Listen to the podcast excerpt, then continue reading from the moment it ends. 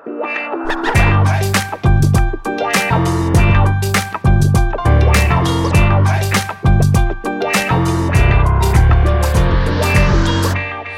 welkom bij een nieuwe aflevering van een podcast over voeding. In deze podcastserie gaan we in op de wetenschap achter voeding en laten we wetenschappers aan het woord over allerlei thema's die met voeding te maken hebben.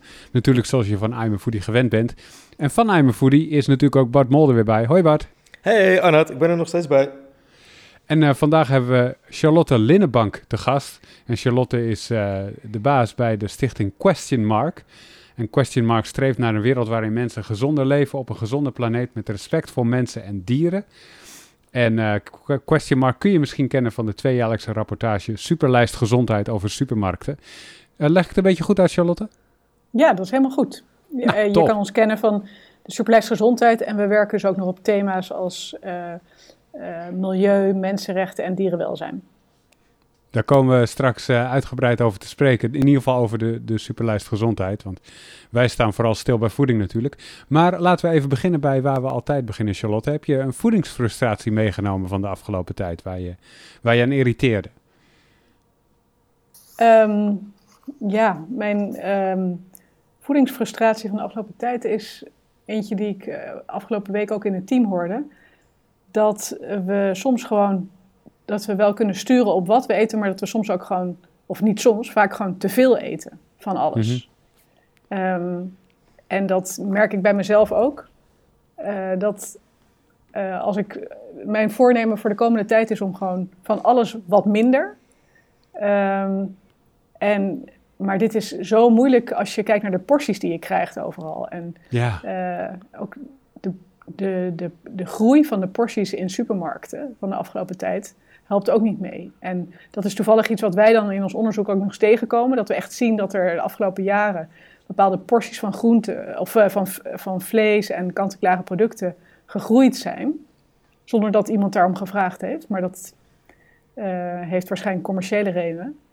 Maar dit helpt niet in je, als je bedenkt dat we allemaal eigenlijk net iets te veel eten in deze westerse wereld.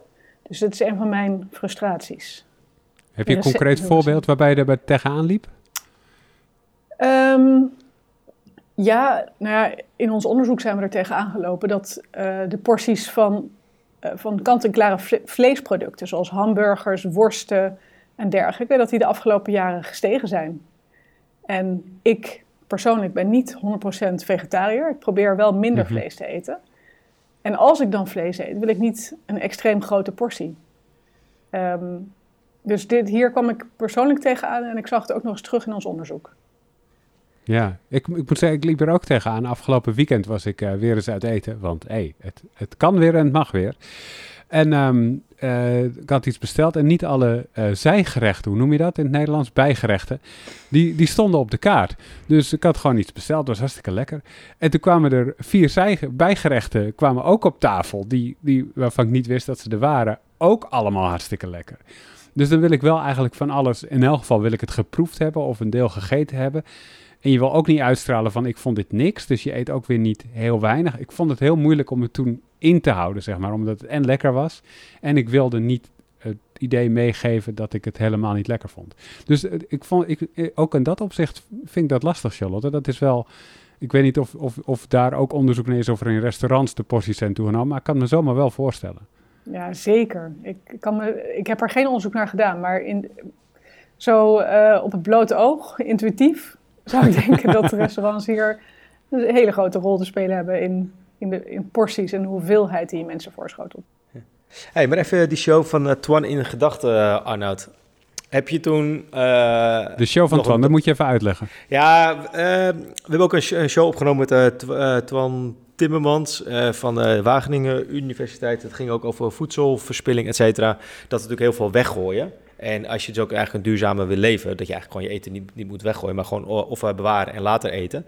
Dus dan vroeg ik me ook in dat kader van het restaurant, heb je dan tegen heugenmeug alles zitten opeten, omdat je dacht, oh ja, ik, ik wil het wel opeten, uh, want, want het is lekker? Of heb je uiteindelijk ook nog een gedeelte meegenomen in een doggybag of iets dergelijks?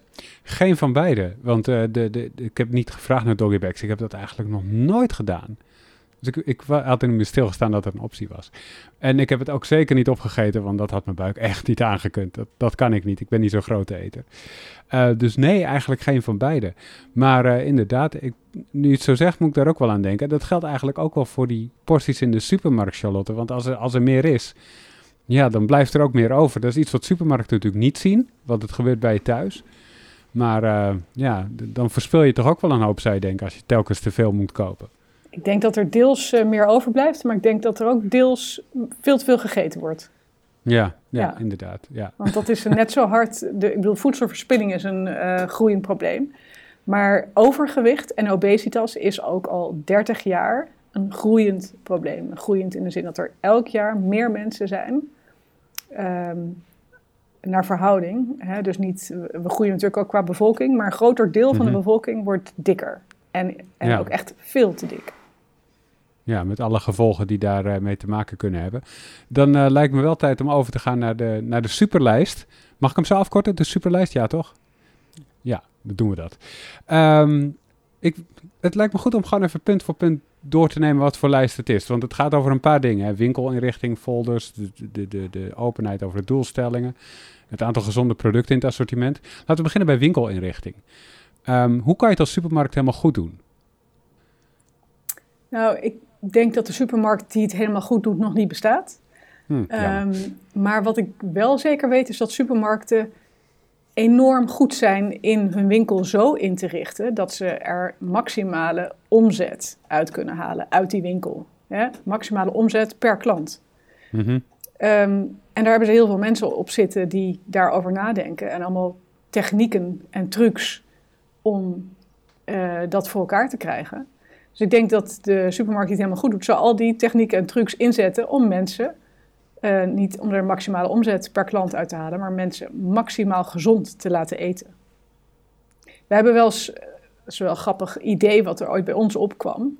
Um, een anekdote tussendoor.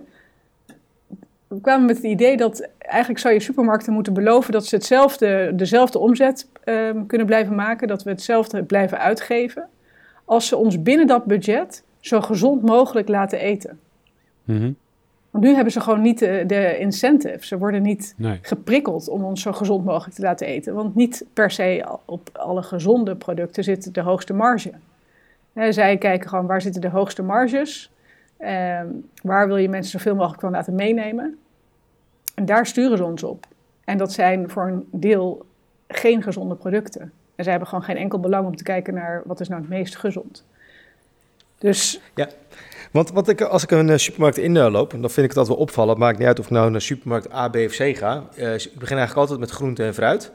Ja. Um, dus er zit ook, heb ik een keer begrepen, dat er een bepaalde logica in zit. Dat je daar eigenlijk altijd, uh, dat je eigenlijk als je alleen de buitenpaden volgt, dat je dan de meeste essentiële ja, producten nodig vindt, zeg maar.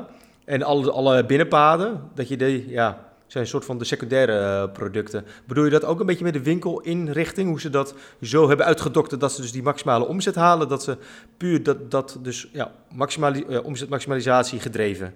Ja, nou ik, ik ken uh, nog, nog steeds niet al de trucs die ze hebben. Um, want het zijn er denk ik heel veel om mensen door een bepaalde manier door een winkel te laten lopen.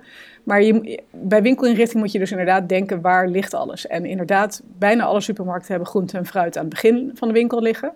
Um, zo goed als alle supermarkten hebben verse zuivel, vers vlees uh, en dergelijke aan de rand tegen de muren aan. Um, en bewerkte producten, de, de droge kruidenierswaren, um, liggen meer de middenpaden.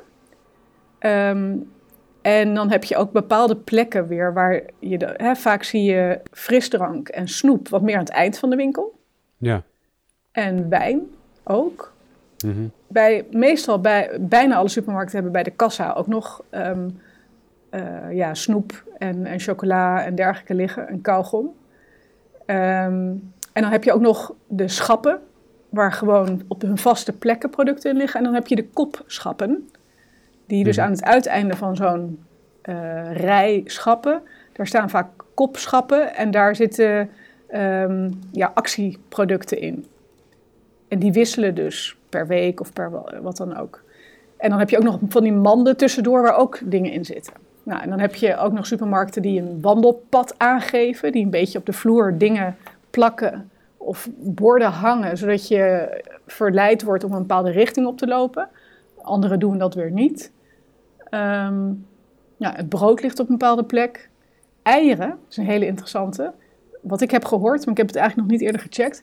Maar ik heb vermoeden dat het wel echt zo is. Die worden, bepaalde supermarktformules veranderen de plek van de eieren om de zoveel tijd.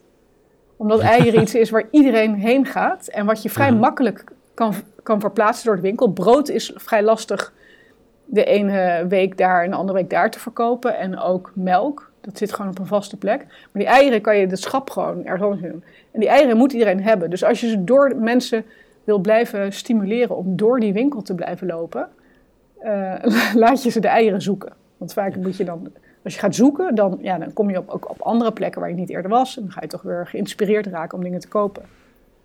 Net Pasen. En, is, en, en, en is, is er ook een logica dat ze juist dan starten met uh, groente en fruit als je de winkel binnenkomt, in plaats van, uh, ik kan me ook voorstellen dat ze juist de bakkerij aan de, aan de voorkant zetten of broden, dat ruikt ook allemaal lekker, et cetera. Ik moet eerlijk zeggen dat ik ook daar um, het antwoord nog niet op gevonden heb, want ik heb verschillende antwoorden hierop gehoord. Um, een van de antwoorden die ik het minst geloof is omdat ze mensen graag willen helpen om gezond te eten. En dan moet je erdoor. En um, ja, dan, dan, moet je, ga je daar allemaal dingen uit pakken. Maar die geloof ik niet zo, want de eerste supermarkt die er echt op gericht is, die, die bestaat nog niet. Om mensen te helpen gezond te eten. Um, het is iets wat veel mensen sowieso voorkomen en uh, waar je de rest van de maaltijd op baseert. Dus um, mensen willen daarvan iets in een mandje gooien en daarna ook vlees. En daarna gaan ze dingen nog erbij shoppen. Um, hmm. Dus dat, dat is klinkt wel logisch. Eén die ik uh, ja, ook zelf ook logischer vind. Is er iets je, mis met die. Sorry, maar is er iets mis met de indeling die je net omschrijft? Met eerst groente, fruit en dan uh, vlees en zuivel aan de buitenkant en andere dingen aan de binnenkant. Is daar echt iets mis mee? Um, nee, weet ik niet zo. Of daar per se zoiets mis mee is. Nee, ik weet alleen dat die impulsschappen, daar is mhm. wel wat mis mee. Aan het einde? Aan het einde en bij de kassa's.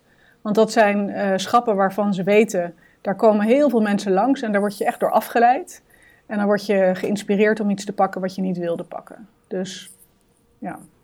Ja, het is voor, het voor mezelf ook echt een pain in the ass met die zelfscanned kassa's. Die waren echt een uh, paar jaar geleden, kon je gewoon scannen en klaar. En tegenwoordig hangen ze dat ook helemaal vol met die impuls aankopen. Dat je, normaal was het gewoon scannen en nu ja, heb je daar zoveel afleidingsmogelijkheden. Uh, dat je toch nog, oh, dan haal ik ook nog wel die oordopjes. Ik weet niet waarom dat hangt, maar oké, okay, misschien. Maar in ieder geval met name gewoon snoepgoed. Die zou ik niet dus, eten, Bart. Nee. nee, maar is het zo, uh, Charlotte, met, met de... Met de uh, lijst. Hè? Het onderzoek die dus eigenlijk dateert uit uh, 2020. Dus eigenlijk dit jaar komt er een nieuwe lijst. Daar gaan we het straks over hebben. Eigenlijk een, een update. Um, waarin verschil dan zeg maar, de ene supermarkt, doet die het dan beter met zijn winkelinrichting uh, op het gebied van gezondheid dan een andere supermarkt? Moet ik het zo zien? Of uh, ja, kan je ons daar een beetje in meenemen hoe dat onderzoek daarin is opgebouwd of waar jullie dan op hebben onderzocht? Ja, zeker. Um, ja, we hebben een, naar een paar uh, facetten van winkelinrichting gekeken waarvan we zeker weten dat daar in ieder geval een grote beïnvloeding uh, plaatsvindt. En uh, een daarvan die we nu nog niet eens genoemd is kindermarketing. Mm um, je hebt heel duidelijk ehm, bepaalde producten die erop gericht zijn om door kinderen opgemerkt te worden en dat ze die willen hebben. als je ze namelijk verpakt in verpakkingen met plaatjes erop die voor kinderen leuk zijn. Ja. En um, als je die producten dan ook nog eens op de ooghoogte van kinderen legt, nou, dan is het helemaal bal. Dan weet je gewoon dat die kinderen gaan jengelen en zeuren om die producten. Ja. En dat het, als je, ik moet zeggen, toen ik nog geen kinderen had, dacht ik van, nou, hè, wat stel je aan? Je moet als ouders gewoon uh, consequent zijn. Maar sinds ik wel kinderen heb, weet ik dat dat echt Niet zo heel makkelijk, is. makkelijk gezegd is. Maar dat het echt vreselijk is om met een jengelend kind. En dat je dan denkt, oké, okay, hier, happetee, dan heb je het maar. Dan ben ik er vanaf, dan kan ik door. Um, maar onder, in, die, uh, in die categorie van kinderproducten zitten heel veel echt ongezonde producten. En het is niet alleen het punt dat het uh, op kinderen gericht is en om zeurende kinderen te creëren. uh, een heel ander uh, aspect, en ook heel belangrijk is, is dat die producten bij ouders de indruk wekken dat ze voor kinderen bedoeld zijn. Terwijl mm -hmm. dat is helemaal niet. Als je pap aan je kinderen geeft, hoef je helemaal niet pap voor speciaal voor kinderen. Gewone pap is ook goed. En als je dan toch per se koekjes wil voeren, nou, ik zou het niet doen aan kleine kinderen, maar dan kan je net goed gewone koekjes. Waarom moet je dan kinderkoekjes? Um, en uh, hetzelfde geldt met heel, veel, met heel veel producten. Je moet gewoon kijken wat erin zit en of je dat aan je kind wil geven, ja of nee. Um, dus kindermarketing, zo hebben wij dat uh, samengevat, is een heel belangrijk aspect waar um, een supermarkt bij de inrichting van de winkel op kan uh, letten. En waar wij naar hebben gekeken is of er supermarkten waren die, die, deze kinderproducten uit het zicht van kinderen legden. En we hebben dat alleen bij, als ik het goed zeg uit mijn hoofd, bij Plus gezien, bij de Plus supermarkten. Mm um, en er is geen enkele supermarkt, konden wij vinden, die er beleid op had dat ze dit niet meer wilden doen. Terwijl er al jaren aan ze gevraagd wordt, ga hier nou eens wat mee doen. Ja. Dus er is echt een hele coalitie stop kindermarketing met allemaal uh, organisaties die uh, de belangen van gezondheidsbelangen behartigen, de Hartstichting en de Neerstichting en dergelijke, die zitten daarachter. En die zeggen al jaren tegen supermarkten, doe hier iets aan. Um, ja, dus dat... Maar is, is, is, is het dan zo dat, dat er al jaren uh, druk op wordt gezet, maar dat, dat de supermarkten dat dus gewoon doodleuk niet doen? Wat is dan de volgende stap? Moet er dan maar uh, wetgeving komen die het gewoon bij wet gaat uh, verbieden, dat het gewoon niet mag, punt? Ja, zeker. Zou, zit in de ik, ik, vind dat... Uh, nee, nog niet. Voor kinderproducten nog niet. Kijk, je... Um, wat, waar wij bijvoorbeeld ook naar hebben gekeken is in hoeverre kinderproducten in, ook in de reclame zijn. Mm-hmm. Dus uh, we hebben um, gekeken naar, we hebben, hè, in de, bij het onderzoek voor Superlijst wordt er twee maanden lang gekeken naar het assortiment en naar de reclames en naar de winkelinrichting en naar het beleid van supermarkten. En in die twee maanden meten we elke week, kijken we wat stoppen de supermarkten in de reclame, in een folder. Um, en um, wat we ook hebben gekeken daarbij is uh, in hoeverre ze kinder, ongezonde kinderproducten in de reclame doen. Nou, daar zagen we bijvoorbeeld um, dat Lidl, geloof ik als enige, dat um, een week of zo of een paar weken niet had. Mm-hmm. um, en de alle anderen hadden het wel. En dan gaat het bijvoorbeeld ook om die drinkpakjes. Hè, dat zijn uh, die kleine drinkpakjes. Die zijn ook heel, ja, hoe zeg ik dat netjes? Als ik het niet zeg, netjes zeg, verneuk... Vergif? Vergif voor kinderen? Nee, verneukeratief. verneukeratief. Oh, want okay. het lijkt gewoon onschuldig dat je ja. uh, die zoete, of gewoon sinaasappelsap, appelsap of fristie in een klein pakje ja. stopt. Maar dat kleine pakje is er maar om één reden. Dat is voornamelijk voor kinderen bedoeld. Mm -hmm. um, en dan ga je dan kopen, omdat je denkt, oh, dat is voor mijn kinderen, dat is handig. En als je dat in de aanbieding doet, dan denk je, oh, dan neem wat extra in huis. Maar reken maar dat die kinderen dan thuis gewoon extra veel appelsap en fristie drinken. Ja. Dus uh, Lidl was de enige die dat niet deed. Um, en iets anders wat we zagen, wat interessant is bij kindermarketing, is de Aldi. Die zetten juist kindermarketing op een goede manier in. Want die heeft um, van die, uh, ja, dat noem je ze licensed characters, van die speciale poppetjes. Zo, denk aan uh, Mickey Mouse of SpongeBob of uh, weet ik veel wie. Um, die zetten ze op gezonde producten. Dus je kan kindermarketing ah. ook goed doen, juist door kinderen te verleiden gezonde producten te eten. Zoals wortels, appels, halfvolle melk, nou ja, en daar ja. zijn plaatjes van Disney, Cars en Princess en zo, die ze daarvoor gebruikt hebben. Zou dat ook werken? Werkt dat op dezelfde, heeft dat dezelfde effectiviteit? Ik denk het wel. Ja. Klinkt ook logisch, hè? Ja. Zeg ja. ik ook maar even als vader van een paar kinderen die ja, als je in de ouder bent, heeft gestaan. Weet je hoe obsessief die kinderen kunnen zijn met die, uh, ja, met die Disney dingen. Ja. ja het, het, het grappige is dus wel dat we het natuurlijk allemaal hebben over een fysieke uh, supermarkt. Terwijl ik moet eerlijk bekennen dat ik denk ik al bijna drie jaar lang uh, al mijn boodschappen gewoon doe bij een online supermarkt. Dat ik dus echt, het, gebeurt me serieus wekenlang dat ik gewoon niet in de supermarkt kom. Dat het me gewoon lukt om alles gewoon online tijdig te bestellen. En dus dan heb ik dat hele gedoe met kinderen, heb ik dat sowieso al niet. Dat ik een, uh, een kindschreeuwer in het gangpad heb, dat die zegt, ik moet per se dit en dit hebben. Dus, dus dat scheelt al. Zie je daar dan ook nog een verschil in? Of is die online supermarkt nog niet meegenomen in jullie onderzoek destijds, uh, Charlotte? Jawel, ja zeker. We, we kijken namelijk naar zowel het assortiment online um, en ook de aanbiedingen, ook online. En ehm, ja, dus dat nemen we mee. En het effect van de inrichting van de winkel valt natuurlijk grotendeels weg.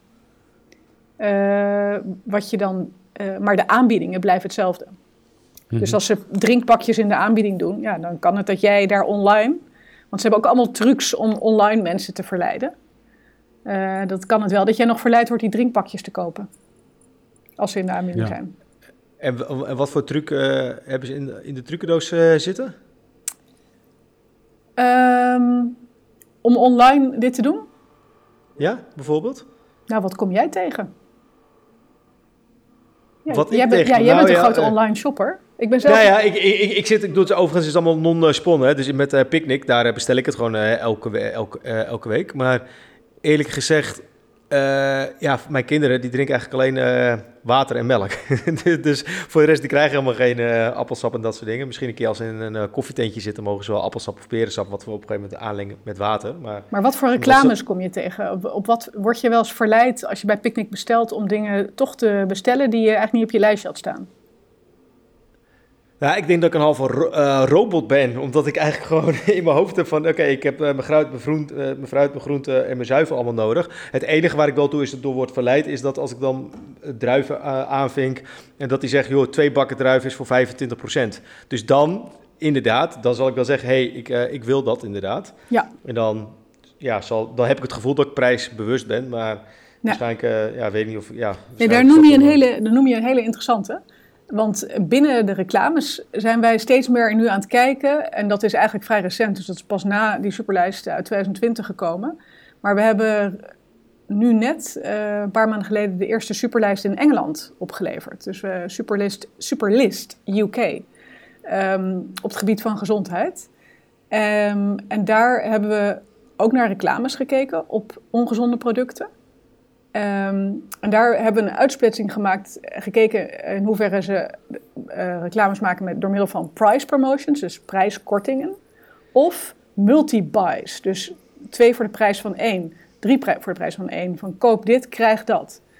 Um, en de reden waarom we hier ook onderscheid in hebben gemaakt, is dat bij prijskortingen zou je nog kunnen zeggen dat mensen met een kleine portemonnee erbij geholpen zijn. Dat er af en toe dingen in de aanbieding zijn, want dan kunnen ze daar wat ze anders niet zouden kunnen veroorloven, dan wel veroorloven. Maar bij die multi-buys, daar blijkt uit onderzoek dat je um, over het algemeen meer koopt dan je nodig hebt. En dat het dus voedselverspilling aan de ene kant en te veel eten aan de andere kant in de hand werkt. Dus die, die multi-buys, dus twee voor de prijs van één, dat zijn nou, specifiek kortingen die je ook online heel veel tegenkomt. Ja. Um, want dat is heel makkelijk aanklikken als je het leest. Oh, doen dat. Um, en uh, wij denken dat dat geen goede manier van reclame maken is. Nee, ik ben even ook gelijk aan het denken waar dus, uh, waar dus de meeste marge dan op zal zitten. Dat ze juist toch die korting op het ene product geven, of dat ze dus die tweede product echt fysiek erbij leveren. Dat, dat per dat, dat dus nog meer voor hun oplevert. Want inderdaad, wat je zegt, ik heb dus nu drie bakken druiven in de koelkast zitten. Ja, ik uh, moet ze binnen een week opeten, want volgende week krijg ik er weer twee waarschijnlijk. Dus dan ben ik tegen heug meug aan het opeten. Dus ja, dan uh, ga, ja, krijg je wel een over, uh, overdaad aan. Ja, en dat is precies, bij, vooral bij vers producten natuurlijk. Want uh, bij dingen die je op voorraad houdt, maakt het niet zo heel veel uit. twee pakken rijst, oké, okay, dan heb je je voorraadkast op orde. Of met shampoo en tandpasta. Ja. Um, maar voor alle versproducten geldt dat je er eigenlijk gewoon te veel van koopt. Het is een logisch, enkele ja. keer kan je zeggen, ja oké, okay, ik heb een gezin van vijf, zes mensen. En in plaats van... Um, ja, twee hamburgers te betalen, krijg ik er al meteen uh, vier of uh, vijf. En dat is, uh, nou, dan ben ik ook goedkoper uit. Maar ja, we hebben nu onderzoek gezien dat dat meestal niet zo gaat. Dat mensen gewoon meestal meer kopen dan ze nodig hebben. En ja, met versproducten moeten ze thuis of heel hard gaan opeten, um, of weggooien. Ja, en dat is ook zonde. En een ander ding uit die superlijst is natuurlijk het aantal gezonde producten in het assortiment. Um, hoe gaat het daarmee? Ja, nou het eerste wat opviel is dat de supermarkten niet echt verschillen daarin. Mm -hmm. um, Ze hebben allemaal hetzelfde. Ja. Ja, veel, veel, nou ja, de, de, de verschillen die we hebben, we hebben gewoon weinig verschillen gezien in, in hoe ongezond het uh, assortiment is. Um, mm -hmm. en, maar, maar, sorry, maar zou je dan wel, uh, wel kunnen zeggen dat supermarkt X eh, een groter aanbod van gezonde producten heeft dan de ander? Of zit het zit allemaal op hetzelfde percentage dan? Um, ja, zit een beetje rond dezelfde uh, percentages. En hoe is die verhouding dan? Is het 80-20, 80%, ongezonde meuk en 20% gezonde, gezond aanbod? Nou, waar we vooral naar hebben gekeken is naar, de, naar een aantal productcategorieën waar het, waar het uitmaakt. Um, dus productcategorieën, uh, we hebben de productencategorieën zoals snoep en chocola en chips hebben we even buiten beschouwing gelaten, want daar is uh, 100%, uh, over het algemeen is daar 100% ongezond. Mm -hmm. Maar we hebben gekeken naar um, productcategorieën waar um, nou ja, uh, zuivel en ontbijtgranen, uh, nou ja, rijst en deegwaren, hè? dus dat soort dingen.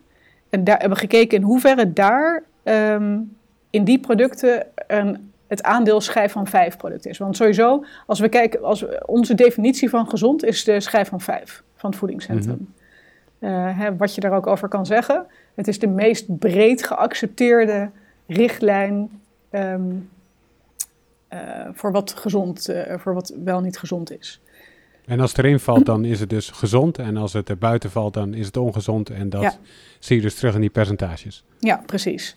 Nou, en als uh, voorbeeld, ik pak even de ontbijtgranen. Want dat vind ik altijd een hele typische. Dat, daar kan je namelijk heel weinig gezonde uh, producten in vinden. Terwijl het typisch iets is wat mensen elke dag eten. En elke dag op tafel zetten, ook aan hun kinderen.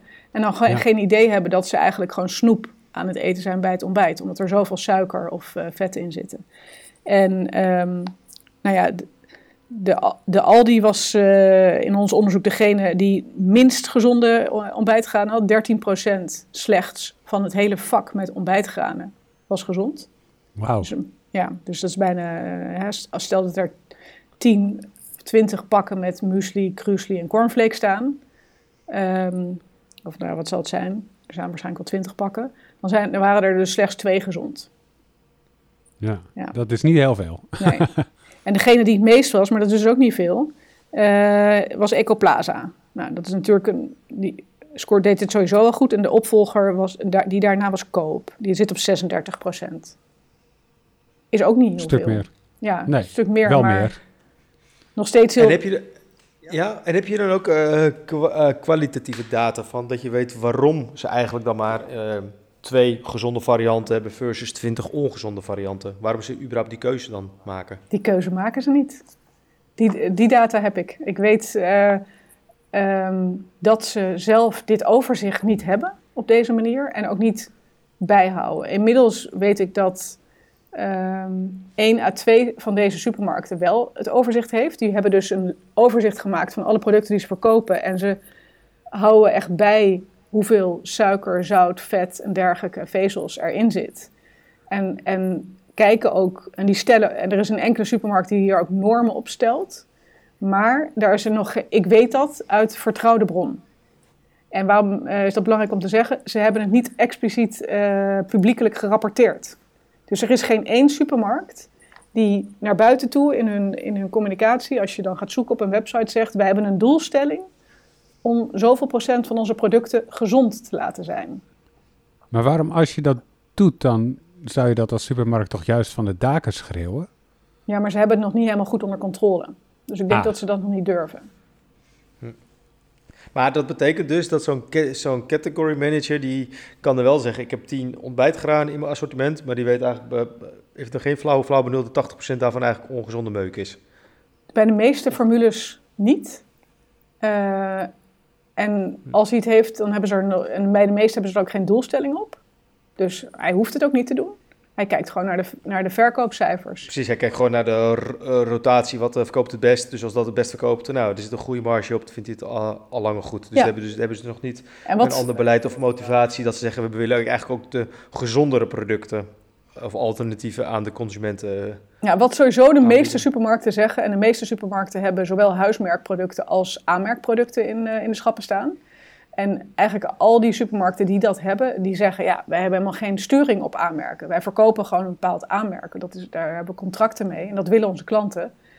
En wij bemoeien ons niet met de inhoud van die aanmerken. Dat is het eerste argument wat ze hebben en waarom ze er gewoon ook niet mee bezig zijn. Het andere, die huismerk, daar hebben ze wel ehm, natuurlijk zicht op. Dus daar kunnen ze wel op sturen. Maar dat huismerk, het belangrijkste is dat het goed kan concurreren met de aanmerken. Dus ze gaan niet in één keer een huismerk giga, gezond, en een heel andere smaak laten hebben dan, dan het aanmerk. Um, en um, er, is een, er zijn denk ik wel, ik denk dat Albert Heijn wel voorloopt en uh, Lidl komt er ook wel achteraan. En nou ja, Ecoplaza doet het in onze onderzoeken ook uh, heel goed. Ik weet niet of ze dat nou doen omdat ze heel erg erop sturen of omdat ze gewoon sowieso al producten die vanuit duurzaamheid en, en bepaalde merken die zij verkopen, zijn ze gewoon sowieso al gezonder. Ja. Dus ik denk niet dat ze daar, ik weet niet of ze er nou heel erg op sturen, maar ik denk dat Albert Heijn en Lidl uh, nog wel het meest sturen of gaan sturen in de voorbereiding zijn om hun producten, eigen producten gezonder te maken. Dat is in elk geval een mooie stap. Maar heb je, want jullie hebben die superlijst gemaakt, gepubliceerd. Dan kan ik me voorstellen dat zo'n winkel zegt: hey, dit wisten we helemaal niet. Mogen wij jullie telling zien weten welke producten dan volgens jullie gezond en ongezond waren? Hebben ze dat opgevraagd bij jullie? Ja, ja. En er is dus ook een uh, uh, enkele supermarkt die de data van ons afneemt. Ah, oké. Okay. Ja. Dat is gewoon een commerciële, commerciële deal is dat, om te zorgen dat ze zichzelf kunnen monitoren of zo. Ja, nou, heel commercieel is het niet. Wij worden er niet rijk van, maar ze dekken wel de kosten die wij daarvoor maken. Want het is heel arbeidsintensief werk um, aan onze kant om al die data te verzamelen. Ja, want hoe, hoe doen jullie dat? Is het gewoon met een kladblokje langs, de, langs het schap lopen? Bij een enkele supermarkt wel. Um, maar laat ik beginnen bij de meeste niet. Daar, ga, daar, hebben we, daar ontwikkelen we zelf software om um, alle producten uh, die zij in hun online webshops hebben, daarvan de informatie te kopiëren en in onze eigen database te stoppen. Um, en maar dan is er nog heel veel handmatig werk, want elk product moet een keer bekeken worden. Omdat er mm -hmm. nogal veel fouten worden gemaakt in de ingrediëntenlijstjes en de voedingswaardelijstjes en de keurmerken en de, de gewichten. Al die informatie die bij een product allemaal vermeld staat, die moeten wij allemaal checken of het wel goed is. Er zitten heel veel fouten in in het begin. Wat ook typisch is, maar goed. Dat is, uh, ja, is gewoon een feit. Dus, en dat is overal ter wereld zo. Het is heel lastig om die informatie allemaal helemaal goed te, te, krijgen en te houden. Um, maar we hebben het hier over tienduizenden producten. Dus je kan nagaan dat het veel werk is om, voor ons om het allemaal te controleren. Um, en dan is er uh, de Lidl en de Aldi. Die hebben nog geen webshop waar al hun producten, hun voedselproducten allemaal in staan. Dus daar moeten we echt de winkel in. En niet met een klapblokje, maar gewoon met een camera. Een speciale app mm -hmm. hebben we dan zelf gebouwd. Met een camera. En dan fotograferen we alle kanten van het product. Die foto's komen in onze database en die worden deels herkend. Uh, daar hebben we speciale software voor die die foto's kan herkennen. En deels moet er ook weer een mens gewoon naar kijken om te kijken wat op die foto staat en te zorgen dat het goed in onze database komt. En zo verzamelen we dus van alle producten die te koop zijn, iedere maand. Um, en voor die offline supermarkten, die Aldi en Lidl, doen het ieder kwartaal. En voor de, de online, de webshops, iedere maand verzamelen we alle producten die te koop zijn, alle voedselproducten, bij naam, foto, uh, ingrediënten, voedingswaarde, keurmerken, gewicht, um, land van herkomst als dat bekend is. Uh, nou ja, dat. En, en, je noemt al een paar keer uh, Aldi en Lidl, dat die in sommige lijstjes of categorieën hoog uh, scoren, zeg maar. Nou, die zijn van origine Duits. Zie je daar dan ook een soort van culturele verschillen? Dat je ziet van, hey, van origine en, en Nederlandse bedrijven die lopen daarop achter en Duitsland loopt daar gewoon simpelweg ver vooruit, zeg maar, qua gezondheid of... Nou, je kan al die Lidl... Onder, al die Lidl zijn alle twee natuurlijk bekend als discounters en bekend dat ze inderdaad Duitse moederorganisaties hebben. Maar verder um, zitten er ook hele grote verschillen tussen. Lidl scoort vaak hoger in de lijstjes, Aldi niet. Dus uh, Aldi is echt nog bezig stappen te zetten. Waar Lidl echt al een paar hele grote stappen heeft gezet. En ook continu bezig is daarmee door te gaan, zodat ze ook echt voorop kunnen blijven lopen. Jullie zitten dus veel om tafel met die, uh, met die supermarkten of, of, werken er zelfs mee samen. Wat is, wat is je indruk ervan? Willen ze echt wel ons gezondere producten voorschotelen in de supermarkt? Willen ze dat echt, maar is er in hun organisatie iets wat er tegenwerkt? Of willen ze het eigenlijk gewoon niet? Um, nou, dat is ook weer zo'n ding dat je bij supermarkten niet iedereen over, binnen de supermarkt over één kam kan scheren. Dus ik denk dat heel veel mensen die werken in een super, hè, voor, de, voor die hoofdkantoren van de supermarkten, waar beleid bepaald wordt en, en uitgevoerd wordt, wel willen.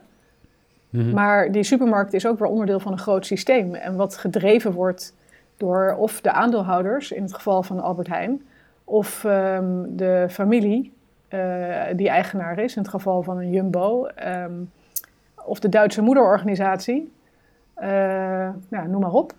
En in dat systeem, ja, er wordt, is, uh, ze leven ook heel erg bij de dag, supermarkten. Het zijn nogal korte termijn gedreven organisaties. Dus niet heel erg met een lange termijn strategie bezig, maar ze moeten deze week een omzet draaien. En volgende week is er weer een andere omzet. En volgende week is het Pasen. Dan is er corona. En dan is er dit. En dan is er dat. En ze moeten de hele tijd bezig zijn zich aan te passen aan nieuwe situaties. Nou ja, in dat systeem waar, er heet het, om, waar het draait om omzet per vierkante meter, omzet per klant, um, worden ze heel erg ja, op commerciële waarde gedreven. Terwijl individueel er natuurlijk best mensen zitten die gewoon graag gezond, gezonde producten zouden willen verkopen. En, en denk je dat dat systeem te doorbreken is op de een of andere manier? Is het, is het een situatie van als er één schaap over de dam is, volgen er meer? Of is het niet zo makkelijk? Ja, dat verschilt per onderwerp. Want bij sommigen zie je wel dat er enkele supermarkten op sommige onderwerpen, zoals gezondheid, ehm, en nou ja, ook binnen gezondheid bepaalde thema's, daar zie je dat supermarkten soms inderdaad uh, in een eentje een bepaalde stap maken. Dan denk ik, oké, blijkbaar kan dat. Bijvoorbeeld Dirk is de, eerste, is de eerste en tot nu toe de enige die gewoon geen ongezonde producten bij de kassa heeft liggen. Mhm. En uh, Plus was de eerste die zei, wij doen geen kindermarketing meer op ooghoogte. En um, nou ja, zo heb je allemaal supermarkten die bepaalde onderwerpen wel een uh, eerste stap zetten. Maar bijvoorbeeld, uh, wij hebben nu onlangs bij Superlijst Groen was een onderwerp dat er zoveel vlees in de reclame is. En uh, vlees is veel in de reclame omdat dat mensen naar de supermarkt toe lokt. Mm En die, je klanten naar de supermarkt lokken is een manier om een bepaalde omzet te garanderen. Je moet gewoon dat marktaandeel hoog houden. Ja. Um, dus daar, als je, daar kan je niet als eerste, als enige supermarkt mee stoppen. Want dan raak je gewoon acuut marktaandeel kwijt en dat kost grote omzet. En dat, uh, nou ja, dus daarvan zeggen de supermarkten zelf, ja, als we dat zouden doen, moeten we het met z'n allen tegelijk doen. Ja, en met z'n allen tegelijk een afspraak gaan maken en dan wie neemt dan het initiatief en wie brengt ze dan bij elkaar. En eigenlijk heb je daar gewoon de overheid nodig die zegt, nee jongens, uh, vanaf nu af aan mag er geen, mag er maar zo, maximaal zoveel vlees in de aanbieding of maximaal zoveel ongezonde producten. En ook op dat vlak, want ook op ongezonde producten, daar is uh, wel inderdaad de overheid al, nadat wij Superlijst Gezondheid publiceerden, in actie gekomen. Dus dat was ook wel even mooi als bruggetje naar wat is het effect van Superlijst. Um, vrij snel na de publicatie van Superlijst Gezondheid, of naar een van de cijfers, een van de grote inzichten die eruit voortkwam uit Superlijst Gezond, was dat 80% van alle producten die in de reclame zijn wekelijks, bij mhm. alle supermarkten ongezond is. Niet in de schijf van 5. En dus dit, was ook een cijfer waar ze weinig verschil hadden onderling. Dus het is gewoon bij allemaal hetzelfde. En dat cijfer van 80% van alles wat in de aanbieding is, is elke week ongezond. Dat werd opgepakt niet alleen in de media, maar ook door een aantal politici. En uh, toen werd er nou, binnen een paar maanden na Superlijst een motie ingediend uh, in de, vanuit de Tweede Kamer. Met het voorstel aan staatssecretaris Blokhuis, toen nog, om um, een wet te maken waarin supermarkten, uh, bij wijze van spreken, het andersom moeten gaan doen. Um, uh, minimaal 80% van alle producten in de aanbieding gezond laten zijn. Of maximaal zoveel procent mag ongezond zijn. Nou, zo'n die motie is uh, ingediend en die is in behandeling nog steeds. Dus dat betekent dat ze er onderzoek naar doen van hoe kan je dit regelen. En nou, de vraag is of de supermarkten niet nu heel hard aan tegenlobbyen zijn. Dat Waarschijnlijk wel, toch? Ja, dat weet je niet. Er is wel veel lobby vanuit de supermarkten. Dat hebben we ook wel gemerkt. Maar even, voor mijn uh, tijdspannen. Dat was dus in 2020 dat die motie is ingediend. Ja, ik denk het wel.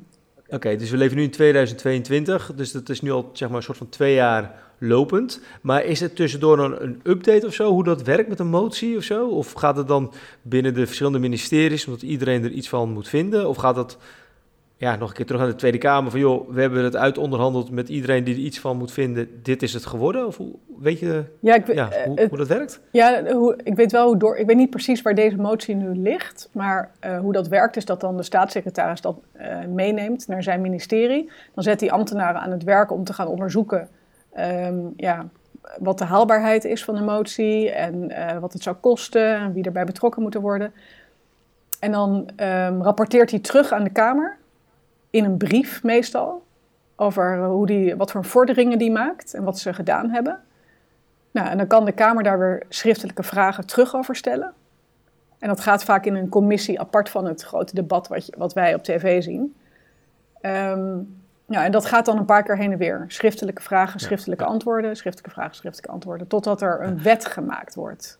Of ja, een maar beleid het, het, vanuit ja, Maar het, ja, en het mooie zou dus nu eigenlijk zijn, omdat het dus, dus best wel veel aandacht heeft gekregen, dat we in dit jaar krijgen we een nieuwe update van de, de, de gezonde lijst, of de, de superlijst. Uh, ik neem aan dat jullie dan ook weer checken op de folders, zodat je dan weer kan zien of het nog steeds dat grote aanbod, of dat het misschien al door de aandacht die er is geweest, dat sommige supermarkten toch wel de ogen zijn geopend. Van nou, laten we dat maar als een kans zien. Dat we gewoon een keer een gezonde acties doen. Ja, precies. Nou, dat, dat, is precies waar we naartoe werken. Uh, Kijk, sorry, over het kabinet is natuurlijk heel lang demissionair geweest. Hè? Dus daarom liggen heel veel dingen stil en weet ik niet uh, of er heel erg opgeschoten is met de uitvoering van die motie. Maar wij gaan in ieder geval dit jaar inderdaad een tweede superlijst uh, gezond uitbrengen. Um, dat wordt ergens de tweede helft van dit jaar. We hebben nog, niet, nog geen exacte datum vastgesteld dat we hem gaan uitbrengen. Maar het onderzoek, weten we wel, gaat halverwege dit jaar lopen. Um, en uh, daarin gaan we in principe alle uh, indicatoren, zoals wij dat noemen, dus op alle punten waar we gemeten hebben in de eerste superlijst, gaan we herhalen. Ja, en dan zeker deze indicator van 80%, eh, dit resultaat van 80% van alles in de aanbieding is ongezond. Ja, als dat nog zo is, dan denk ik uh, dat de rapen gaar zijn. um, maar wellicht hebben bepaalde supermarkten gedacht: hé, hey, we gaan niet wachten op, die, uh, op die, wat ze met die motie gaan doen. We gaan nu gewoon zelf alvast een stuk gezonder maken. Want het is vrij makkelijk natuurlijk uh, er is vrij makkelijk iets te winnen hier voor de supermarkten. Degene die nu veel beter doet dan de rest, ja, die krijgt natuurlijk straks aandacht in de media van: hé, hey, kijk eens, die heeft het opgepakt. Dus ik hoop dat ze luisteren, dan kunnen ze dat nog even oppakken, want dan zijn ze waarschijnlijk nog op tijd. Ja. Maar is dat het, is dat uh, het voornaamste wat de politiek kan doen om, om de situatie in supermarkten te verbeteren volgens jullie? Of zijn er meer wetten of regels die ze zouden kunnen maken om, om te zorgen dat, uh, dat er grote winst geboekt wordt? Nou, ik denk dat die aanbiedingen wel een hele belangrijke is. Ik mhm. zou daar zeker ook, als je het gevraagd had van wat, wat moeten ze als eerste doen, zou ik zeggen, begin met die aanbiedingen. Um, daarnaast kindermarketing. Ik denk dat het ook een hele belangrijke is. Ja. Uh, vooral omdat overgewicht en obesitas onder, ook onder kinderen groeiend is.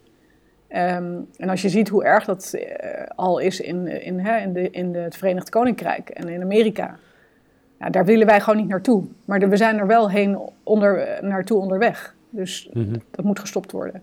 Nou, dan heb je zaken als um, energiedrankjes en uh, frisdrank en dergelijke. Kijk, bij sigaretten zijn we het er allemaal over eens. En dat is 30 jaar geleden was het ondenkbaar. Maar nu wordt het, staan we bijna op het punt om het, dat het verboden wordt om te verkopen. Nou, waarom kunnen we dat bij energiedrankjes ook niet doen? Er zijn uh, uh, er is al nu uh, door de supermarkten zelf gezegd: we verkopen het niet onder de 18. Waarom zou je het mhm. niet zeggen, verkopen, of niet onder de 16? Maar waarom zou je het niet kunnen opschroeven naar 18? En waarom zou je niet kunnen zeggen: we, we verkopen bepaalde energiedrankjes überhaupt niet meer? Of alleen achter de kassa? Um, Nou, dat. En dan heb je ook nog um, bepaalde maatregelen die supermarkten nu zelf een beetje aan het toetsen zijn. bijvoorbeeld dat je een caloriewijzer hebt bij de frisdranken. Dat zie je soms wel eens. Mhm. Ehm, dat wordt nog een, heel experimenteel toegepast. En zoiets zou je natuurlijk ook ehm, minder experimenteel kunnen doen. En daar is ook iets in opkomst, dat is namelijk Nutri-Score. Nutri-Score, ik weet niet of je dat al eens behandeld hebben, maar dat is... Ja, ja, ja, ja uh, we hebben dat, uh, ja, in ieder geval, ik kan het dan in de show notes zetten. Daar hebben we inderdaad, uh, in het eerste seizoen hebben we daar al met iemand over, over gezeten inderdaad. En daar is ook al veel over gaande, over de keurmerken, de dingen, ja. en ja, et cetera. Ja, dus Een, een, label wat iets zegt over de gezondheid van een product. Want dat kan en de consumenten helpen, maar nog belangrijker is dat het ook uh, fabrikanten kan stimuleren om een product gezonder te maken, zodat ze ook een beter label op hun product krijgen. Ja, inderdaad. En wanneer, uh, wanneer zijn jullie tevreden als question mark? Wanneer zeggen jullie nou, ja, ons werk zit er wel op wat, dit, wat dat betreft. Dit, dit, nu, nu is het wel klaar. Als we een beweging naar boven zien. Dan, oh. Heel kort gezegd. Als er een beweging ontstaat waarbij de, de marktwerking die nu uh, tot nu toe heeft geleid tot steeds ongezonder en alleen maar gericht is op meer winst en uh, meer omzet, dat die marktwerking ingezet wordt om steeds gezonder en steeds duurzamer um, productie en consumptie te, voor elkaar te krijgen. En wat is dan jullie, hoe, hoe zie je jullie rol in, dit, uh, in, het, in het hele krachtenspel rond supermarkten en overheid? Van die hebben natuurlijk met elkaar te maken. Wat is jullie rol hier, hierin? Jullie invloed? Ja, nou, dat is eigenlijk dus precies om die beweging voor elkaar te krijgen. Wij hopen doordat we dit als ranglijst, hè, een superlijst, daar zit een ranglijst in, waar de supermarkten op een rij worden gezet van meest gezond uh, en duurzaam naar minst gezond en duurzaam, dat we ze hiermee aansporen om uh, in concurrentie te komen om het beter te doen. Want niemand vindt het leuk om onderaan een lijstje te staan en wel leuk om bovenaan een lijstje te staan. Tuurlijk. En ze gebruiken ook die indicatoren, omdat het goede indicatoren zijn waar wij naar kijken, om hun beleid vorm te geven. Dus wij krijgen ook terug uh, van supermarkten dat ze zeggen, nou, we nemen gewoon letterlijk jullie indicatoren over en jullie aanbevelingen. Die zetten we in ons beleid. En uh, ja, soms niet alles, maar ze pikken eruit waarvan ze denken dat ze daar snelst mee aan de slag kunnen. Maar als een ander ergens anders mee aan de slag gaat, ja, dan worden ze vanzelf gemotiveerd om dat ook te doen. Dat ze niet willen achterblijven. Ja. Dus ja, we helpen ze gewoon concreet met ideeën of met wat ze kunnen doen, maatregelen die ze kunnen nemen. En tegelijkertijd helpen we ze ook aan de motivatie om sneller te gaan. Doordat die ranking uh, publiek is. En ja. denk je dat je dat al kan zien in de, in de nieuwe superlijst die later dit jaar komt? Dat is, dat is de vraag. Daarom stel ik het. Spannend hoor. Ja, ja. ja. Maar wat denk je? Want jullie houden natuurlijk wel dingen de hele tijd ook in de gaten. Ja, er worden er heel veel hierop gevraagd. En het is zo, ik kan het gewoon niet zeggen, omdat, uh, onze, omdat die superlijst gemaakt is met hele grote sets data. En alleen door die te analyseren, ja, kan je er iets over zeggen. Ik weet wel dat er echt veel gebeurt. Dus het moet haast wel dat we beweging gaan zien. Ja, het zou echt raar zijn als dat niet zo is. Ja, dus het antwoord is ja. Ik denk dat er... Oké, okay, er gebeurt een hoop. Ja. Maar is, eigenlijk is het dus zo dat die beweging dus alleen maar komt door de externe factoren. Want als jullie dus niet zo'n lijst zouden maken of alle andere gezondheidsfondsen of ja, andere organisaties zich er druk om zouden maken, zouden, zouden ze dan zelf een incentive hebben van we willen het vanuit onszelf eigenlijk al een gezonder aanbod hebben. Of in ieder geval minder ongezond. Of denk je dat het echt door die externe druk komt? Dat ze een beetje in een richting worden geduwd, terwijl dat ze dat eigenlijk helemaal niet willen? Ja, het, is natuurlijk een, het is natuurlijk een enorm uh, een samenspel van enorm veel factoren. Hè? Um, dus, en, de veel, en zij pikken heel veel van die factoren natuurlijk op. Um, maar ik denk wel dat het allemaal externe factoren zijn. Ik denk als die er allemaal niet waren, dan gingen zij door met de andere grote factor. En dat is wat ik al eerder zei: de eigenaar van hun bedrijf die winst wil zien. Ja, en op mm -hmm. korte termijn ook. Dus de kwartaalcijfers, uh, die moeten goed zijn. En ja. die worden beïnvloed door omzet per vierkante meter en omzet per klant. Ja.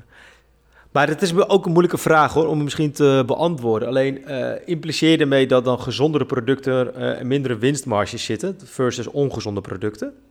Nou, zo, ik dat, denk dat je dat niet zo algemeen kan schetsen. Mm -hmm. maar in de mix van dingen uh, blijkt dat het uh, wel degelijk heel erg loont om ongezonde producten te verkopen en, en, daarmee, en die in de aanbieding te stoppen. Ja, dat zien we gewoon, dat ze de aanbiedingen overheersen.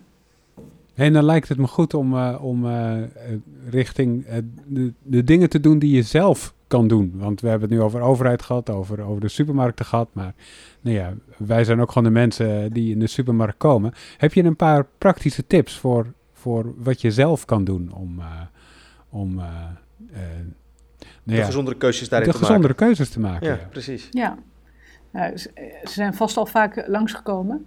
Maar ehm, ja, vooral als het om supermarkt, boodschappen doen met de supermarkt gaat, is winkel echt met een lijstje. Mhm. En wees je bewust van eh, plekken waar de supermarkt jou eh, probeert te verleiden tot impuls aankopen. Hè, dus die kopschappen en de kassa's, daar moet je echt eh, oogkleppen op zetten. En daar met je lijstje langslopen. Ehm, ook aanbiedingen. Eh, zeker als het twee voor de prijs van één is, probeer die te negeren. Hooguit als iets eh, in een prijs verlaagd is. Ja, prima, dan heb je, ben je gewoon goedkoper uit. Ehm, ja, probeer jezelf te leren over, en dat is vast vaker gehoord, over ehm, wat gezond is.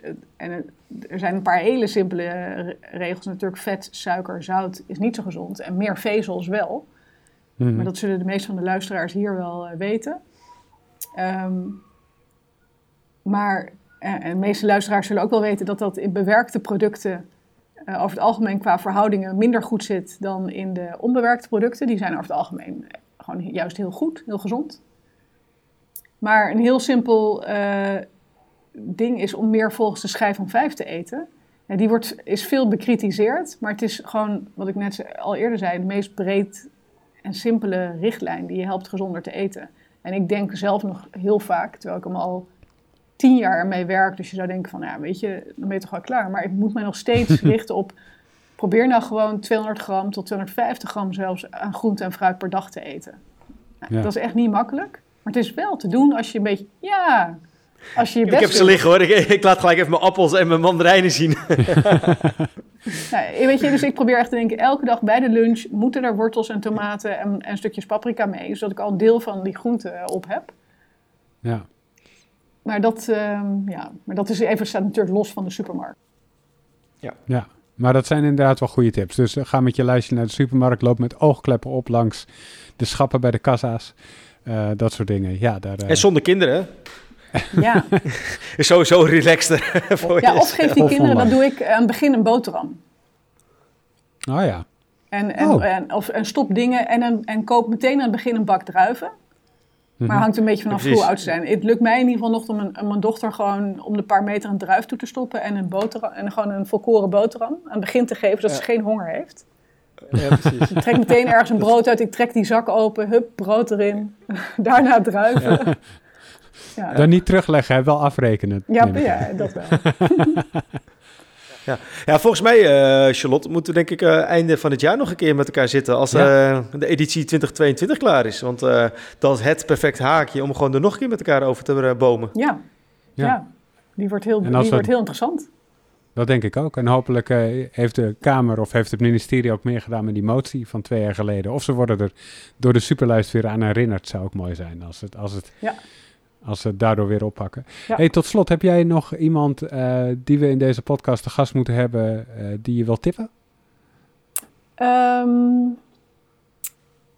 ja, hebben jullie zelf hebben jullie al iemand uit een eh, supermarkt?